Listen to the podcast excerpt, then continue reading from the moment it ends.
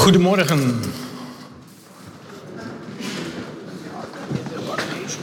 We gaan even de boel verbouwen. Je mag ook hier lopen. Hè? Ja, dat mag ook, hè? Ja, ja, ja dat mag ook, ja. Zo. Het is altijd mooi als je heel veel muzikanten hebt, maar ze maken zoveel troep, joh. Het is niet te geloven. er is helemaal geen ruimte meer. Oké, voordat ik begin, even het volgende. Pak even een papiertje, een pen of je telefoon. Daar zit wel zo'n sticky, zo'n noot op, weet je niet. Pak het er even bij. En schrijf even het volgende op. Oké. En ik wil gewoon dat je het gewoon in één keer opschrijft. Gewoon niet over nadenken, opschrijven. Oké, we zetten eerst daar een, uh, een euroteken neer. Ja, zetten we een euroteken neer. En dus nu de vraag. Vul je waarde in. Hoeveel ben jij waard? Nu invullen. In euro's. Hoeveel ben je waard? Vul in. Nee, vul maar in. Gewoon wat je denkt. Hap, nu. En wegleggen. Oké, wegleggen, niet meer naar kijken. Oké, goedemorgen. Mijn naam is Kees Pijp. Kom uit Hardenberg. Getrouwd met Kooske en twee kinderen. Twee jongens. En voor de rest, als je meer wilt vragen over wie ik ben... ik ben er zometeen ook nog wel. Je mag me altijd even aanspreken. En vanmorgen wil ik beginnen met een stuk uit de Bijbel.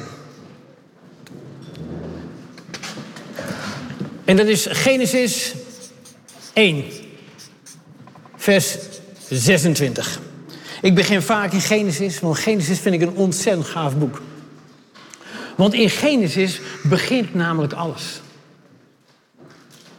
In Genesis gebeuren zoveel dingen waar we nu nog steeds soms last van hebben.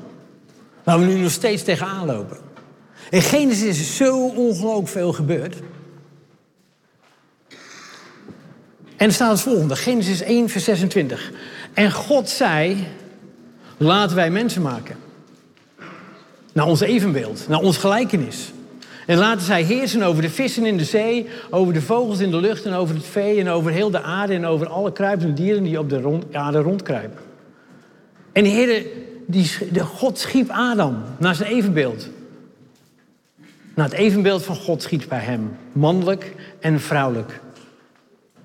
En God zegende hen. En God zei tegen hen: Wees vruchtbaar, vermeerder je, vervul de aarde en onderwerp haar. Heers over de vissen in de zee, over de vogels in de lucht en over alle dieren die op de aarde rondkruipen. En God zei: Ik geef jullie alle gewassen op heel het aardoppervlak die zaad uitzaaien. En alle bomen, de vruchten aan de boom die zaad uitzaaien. Het zal jullie tot voedsel dienen. En zo gebeurde het.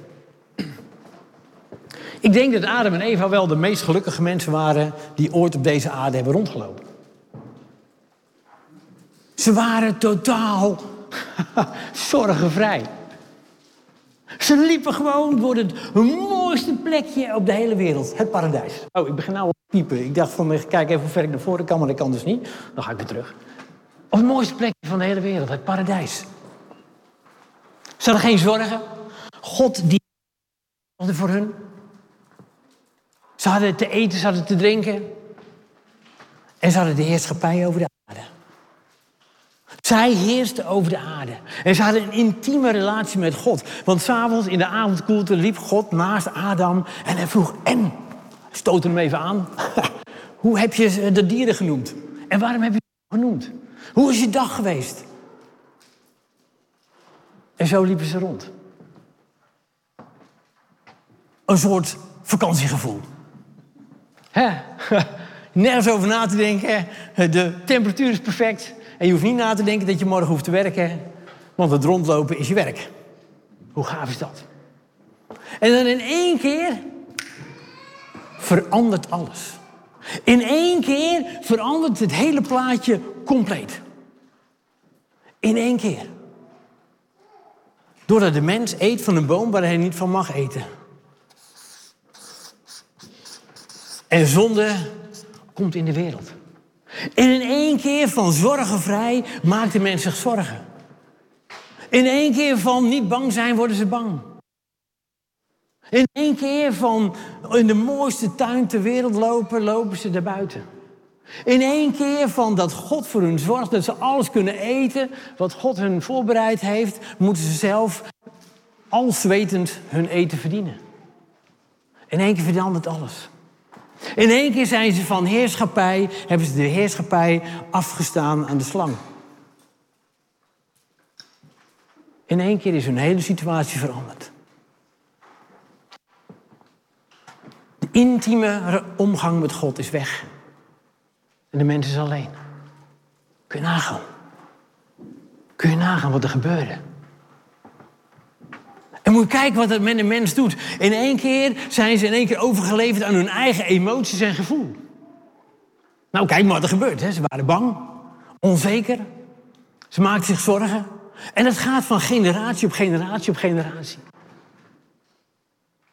En kijk naar hun kinderen. Abel en Kain.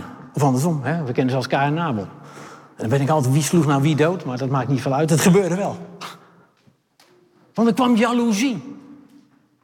Jaloezie op een ander omdat het offer werd aangenomen en de ander niet. Het kwam boosheid, het kwam haat. En alles heeft te maken met het volgende. Iets waar we tegenwoordig nog zo vaak tegen aanlopen. Minderwaardigheid. In één keer zijn we van de lieveling van God, zijn we in één keer geen lieveling meer. In één keer van heerser zijn we zwoeger. In één keer van zorgenvrij hebben we zorgen. En we voelen ons minderwaardig. Nou, als er ergens een woord is, minderwaardigheid, dan komt het tegenwoordig wel voor. En je denkt, ach, dat valt toch best wel mee. Nou, dat valt niet mee. Eigenlijk hebben we allemaal een beetje te maken met dat minderwaardigheidsgevoel. En moet je kijken wat voor, wat voor gevolgen dat heeft. Want minderwaardigheid geeft onzekerheid.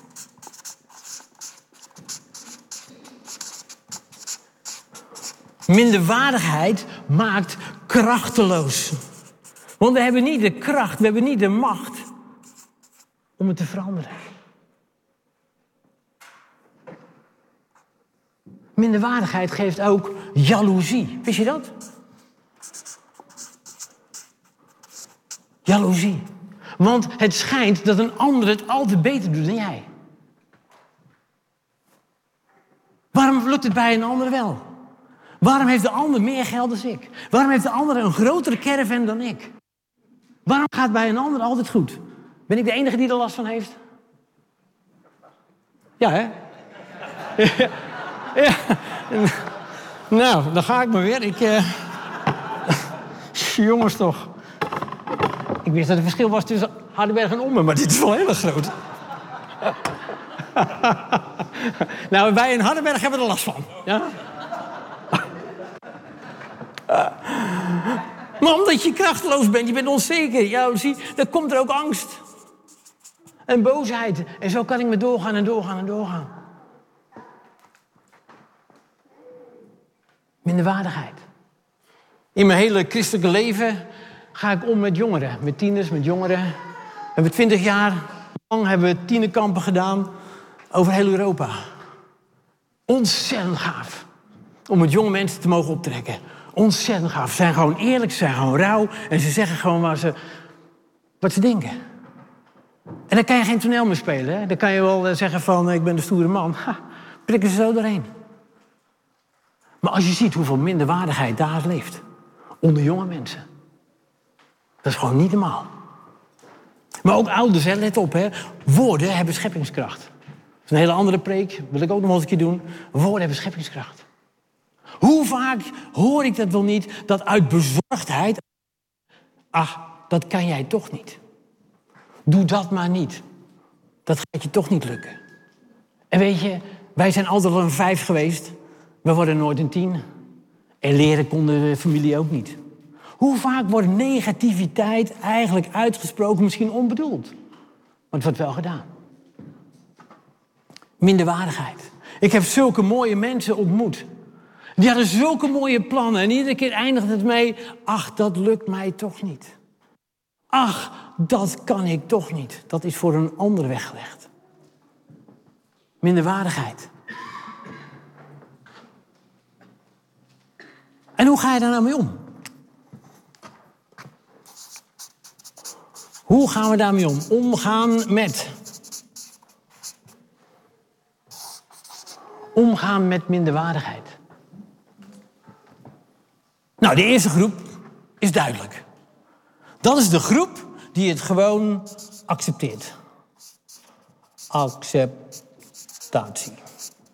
Zeg maar dubbel C, ja. Omme weet het ook niet. Ja, ja, ja. Staan we weer gelijk. Acceptatie. Er zijn mensen die zeggen, ja, dit is zo. Ik ben minderwaardig. En continu hoor je dat weer terug. Ja, ik kan het toch niet. En continu komt het terug in hun leven. Iedere keer weer. En ze accepteren het gewoon. Ja, zo is het nou eenmaal. Zo is het nou eenmaal. Ik ben krachteloos om dat aan te pakken. Ik kan het niet. Ik kan het niet aanpakken. Dus ja, zo ben ik. En je ziet het ook van. Dan denk ik van, je hebt zoveel potentie, je hebt zoveel in je. En het komt er absoluut gewoon niet uit. En je laat het erbij. En dan zie je een spiraal van negativiteit. Acceptatie. Maar een veel grotere groep, en daar zitten we bijna allemaal wel in, is compensatie. Compensatie. Compenseren, dat houdt in aanvullen. Ja? Stel voor dat dit onze standaard is en wij vinden dat we hier zitten. Dan moeten we dit stuk compenseren. Aanvullen. Nou, hoe doen we dat? Hoe gaan we compenseren? Dat is uh, kijken waar we goed in zijn. Misschien ben je goed in sport. Dan wordt in één keer sport wordt eigenlijk onze imago. Sport. Of het kan zijn geld verdienen. Er zijn heel veel mensen die hebben geld als imago. Nou, die kennen we ook wel, hè? Geld. Dat is mijn imago. Sommigen hebben misschien hun uiterlijk als imago. Ik ben een stoere jongen. Ik ben een mooie vrouw. En dat is mijn imago. Dat is mij wie ik ben. En eigenlijk omhult het alleen maar het minderwaardigheid die je voelt. Kijk maar eens als het wegvalt. Kijk maar eens als in één keer de sport om je heen wegvalt. Kijk als in één keer je muur die je om je heen hebt gebouwd wegvalt. En in één keer, net als Adam en Eva, sta je daar naakt. En dan sta je zoals je bent. En je voelt je zo totaal minderwaardig. Totaal. Wat ook het hele bekende is, is overcompensatie. Dus dit is de standaard. Jij denkt dat je hier zit. En dan moet je daar naartoe. Overcompenseren. Nog meer doen om er nog beter naar voren te komen. En weet je hoe ze dat noemen? Dat noemen ze ook wel het Napoleon-complex. Onthouden, Napoleon-complex. Je zal er heel veel tegenkomen. Want Napoleon was eigenlijk, vond hij zelf, een klein mannetje. En hij had een minderwaardigheidscomplex. En alles wat hij deed was alleen maar om dat probleem te overcompenseren. Om anderen die groter waren dan hij in postuur, om die te onderdrukken. En hij ging heersen over de wereld. En zonder enig pardon stuurde hij allerlei mensen maar alle kanten op om te overheersen, om oorlog te voeren. Ging je dood, ging je dood, jammer dan, zolang ik er maar niet ben. Zo kennen we wel meer van die kleine mannetjes die oorlogen beginnen. Toch? En de basis is minderwaardigheid. Minderwaardigheid. Allemaal ikgericht. Narcisme noemen we het ook wel, hè? Allemaal ikgericht. Weet je wat er op internet staat over narcisme? Die vond ik ook wel heel grappig trouwens. Kijk, ook ben al op bladzijde 2. Kijk, mooi. Narcisme. Aan de ene kant staat een opgeblazen gevoel van zelfbelang en zucht naar bewondering centraal. Nou, die kennen we wel, hè, die mensen. Maar kijken wat aan de andere kant staat. Maar aan de andere kant is er sprake van een extreem gevoel van minderwaardigheid en onzekerheid. En dan maakt het geen moer uit dat er honderdduizend jonge mannen en vrouwen ergens sterven op een veld. Als ik, als ik maar win. Want ik ben belangrijk. En alles heeft te maken met een extreme mate van minderwaardigheid. En dan hebben we nog de derde groep en die is aan het verdringen. Al die gevoelens van minderwaardigheid verdringen.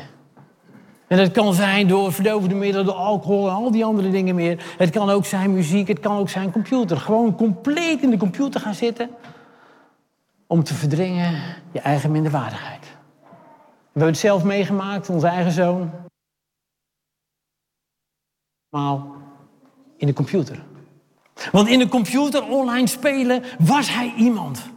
Hij kon vechten. Hij was belangrijk voor zijn team.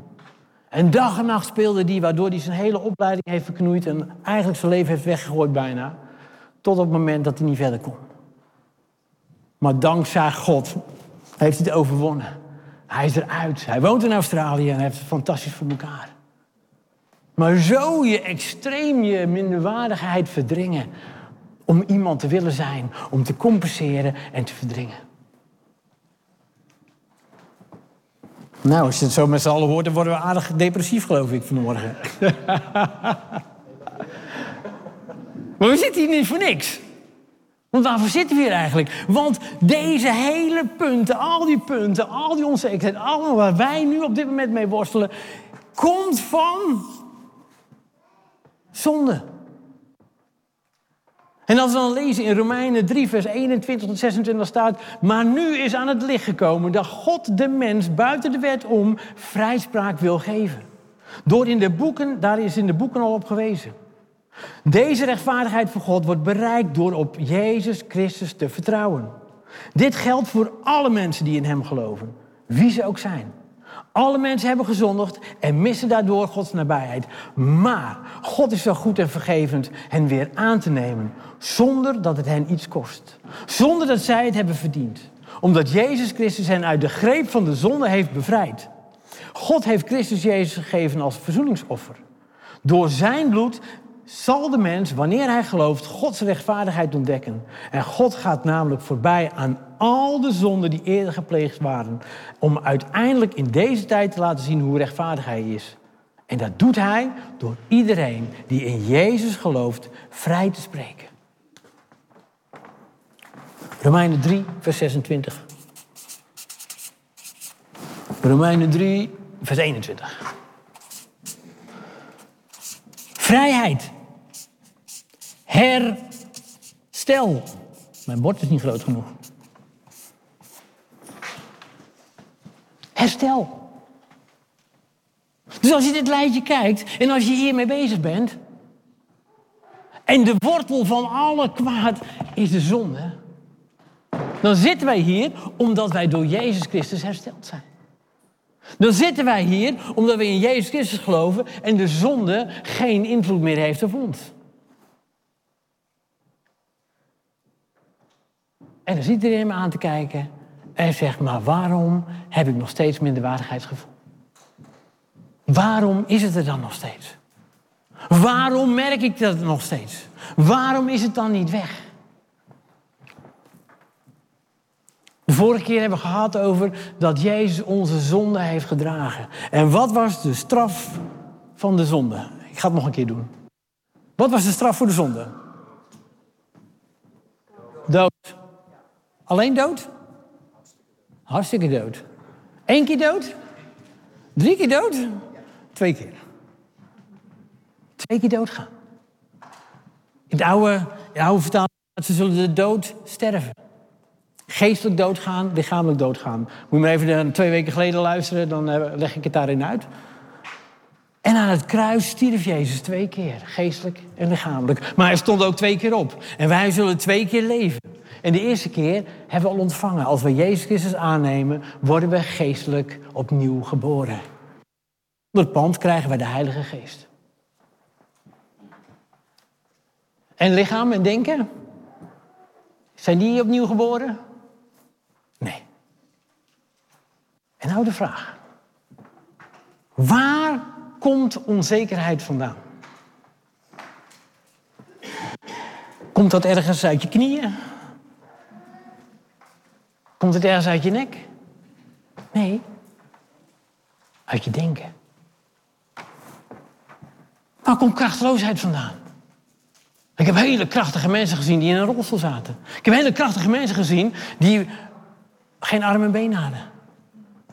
Krachteloosheid komt uit ons denken. Waar komt jaloezie vandaan? Uit ons denken.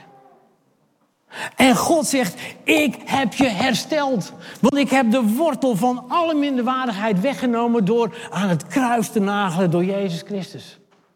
En wat doen wij? We hebben nog steeds het oude denken. Moet je kijken wat Jezus aan opdracht geeft aan ons, aan zijn discipelen. Hij geeft ons drie opdrachten. Nummer één is wat we de vorige keer over hadden. Opdat wij het niet zullen vergeten. Dat wij het woord van God zullen uitspreken en voorleven en discipelen maken. Dat is één. En dan komt nummer twee en drie. Dat we de boze geesten mogen uitjagen, mogen verjagen, mogen wegjagen in Jezus' naam. En dat we op zieke mensen de handen mogen leggen. Dat zijn de dingen die God ons meegeeft. Die Jezus ons meegeeft. En de heerser van deze aarde, nou als er iemand narcisme heeft uitgevonden, dan is hij het wel.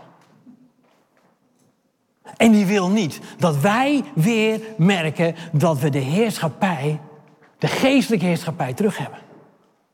Dat wij weer mogen heersen in zijn naam. Niet omdat wij zo goed zijn, niet omdat wij het verdiend hebben, maar omdat hij voor ons gestorven is. Hebben wij die heerschappij terug. En mogen we gaan staan en mogen we zeggen, wacht eens even. Dit zijn geen gedachten van God.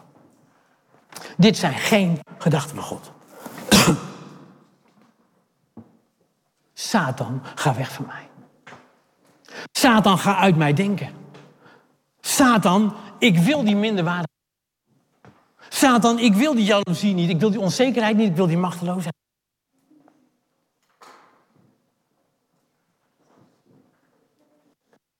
Je dat er staat dat de boze rondgaat als een briesende leeuw. Hij wil niet zijn heerschappij delen met wie dan ook. Hij wil niet dat wij ontdekken dat wij de heerschappij terug hebben. Dat wij boos mogen uitdrijven. Dat we mogen zeggen, hier, Satan, ga weg van mij. Ga weg van mij met je minderwaardigheid, met je jaloezie. Ga weg van mij met al je negatieve denken. Want ik ben een kind van de Allerhoogste Heer. En ik heb de heerschappij. En ik heb de intieme relatie met God, de Allerhoogste Heer. En toch laten we iedere keer weer die leugen aanspreken. Toch iedere keer weer komt het weer naar voren toe. En toch iedere keer voelen we ons machteloos. En iedere keer weer. Waar is nou de helm van het heil? Waar is nou die, die, die, die, die geestelijke wapenuitrusting van God? Want we kunnen hier iedere zondag wel zitten en zeggen van, oh ja, en pap en nat houden.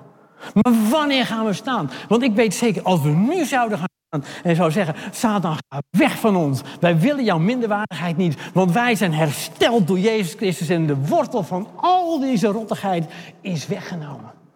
Moet kijken wat er gebeurt. Moet kijken wat er gebeurt. En als de kerk hiernaast het ook zou doen. En de kerk daar ook. En als de kerk in Hardenbergen zou doen. Wat zou er dan gebeuren? Maar wanneer gaan we dat nou eigenlijk ontdekken? En zie je, de, de, wereld, die heeft dit niet. Die heeft herstel niet. En dan zie je op LinkedIn, ik zat gisteren nog even rustig even rond te kijken... hoeveel nieuwe coaches erbij komen. Er was nou een gevoelenscoach. En dan kan je misschien om lachen, gevoelenscoach. Maar de wereld weet niet anders.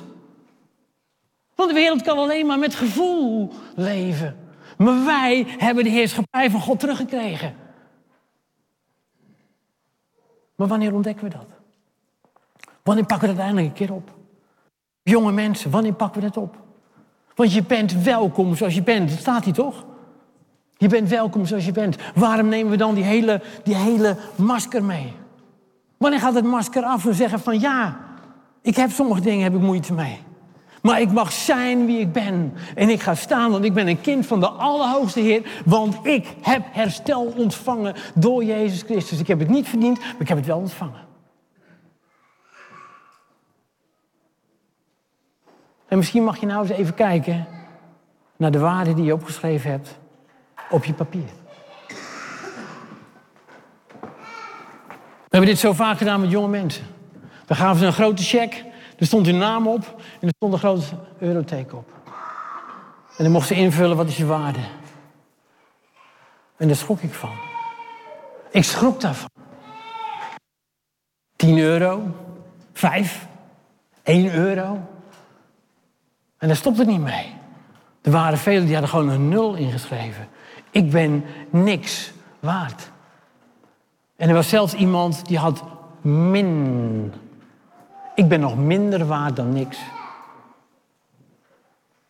En we worden zo ongelooflijk aangevallen, iedere dag weer, op onze telefoon, op al die dingen meer, waarin de tegenstander ons maar één ding wil laten zien. Jij stelt niks voor, want hij heeft meer geld, hij heeft veel beter voor elkaar, hij ziet er veel beter uit. Wanneer stopt dat? Wanneer stoppen we daarmee om een tegengeluid en een tegengeluid te horen? Dat we zeggen, maar ik, ik, ik ben hersteld door wat Jezus Christus heeft gedaan. En dat we dat iedere dag uitspreken, iedere ochtend weer. Heer, dank u wel, Heer, want u vindt mij extreem waardevol. Extreem waardevol. Zo waardevol dat u uw eigen zoon heeft gegeven om voor mij te sterven. En moet je eens kijken wat God ons geeft. Moet je eens kijken wat God ons geeft. En dat is Efeze 1, vers 19. Ik zal hier nog even denken bij zetten. Efeze 1, vers 19. Efeze 1, vers 19. Moet je opletten hè, wat we hebben. En Paulus zegt dat. En ik bid dat u zult beseffen. Ik bid dat u zult beseffen hoe ontzaglijk groot de kracht is die werkzaam is in ons. Die in hem geloven. Hoe groot is die kracht? Het is dezelfde kracht Waardoor Jezus uit de dood is teruggekomen. Het is dezelfde kracht. De opstandingskracht die Jezus heeft gekregen om op te staan uit de dood, is dezelfde kracht die wij in ons hebben. Zo krachteloos. Waarom laten we ons het aanpraten? Hoezo angst en onzekerheid? Waarom laten we het aanpraten? Dat we gaan staan. En zeggen, Heer, ik wil dit niet. Heer, ik wil dit niet. Heer, ik wil deze gedachten niet meer. Ik wil eindelijk gaan leven zoals u het bedoeld heeft. Ik wil eindelijk weer tot rust komen en al die onzekerheid van me afgooien wat een ander van me denkt. Er is maar één ding wat belangrijk is, wat u van mij denkt. En dat ik op deze manier andere mensen die u niet kennen mogen bemoedigen. Dat ze zeggen, maar waarom ben jij zo veranderd? Waarom loop jij in één keer rechtop? Waarom durf je in één keer zomaar wat te zeggen? Wat is er met jou gebeurd? Ik ben hersteld. Ik ben hersteld. En als je wil en je zegt van, ja, ga er gewoon staan. Dan gaan we gewoon bidden. Dan gaan we gewoon naar God toe. Dan gaan we gewoon Hem vragen. Heer, wilt u ons vullen met uw Heilige Geest? Wilt u vervullen helemaal ons denken, ons lichaam? Dat we gewoon eindelijk mogen zijn wie u wilt dat we zijn. En als je dat wil, gaan we gewoon staan. Dan ga ik gewoon voor jullie bidden.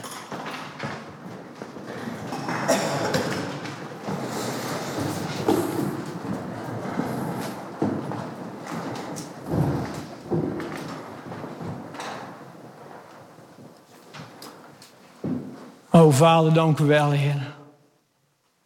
Dank u wel voor uw Zoon, Jezus Christus, die voor ons gestorven is. U vond ons zo waardevol dat u de straf op u nam die wij hadden verdiend. Zo extreem waardevol vindt u ons. Heer, en we staan hier omdat wij niet langer in de leugen van Satan willen geloven. En Satan, ga weg van hier, van deze plek. Ga weg uit onze gedachten. En dat we de gedachten mogen vullen met liefde, met goedheid, met zekerheid, met bescherming met vergeving. Dat we hier staan, Heer, als uw kinderen. En dat we niet langer willen geloven in een leugen die in de wereld wordt verteld. Heer, wilt u ons veranderen naar uw beeld?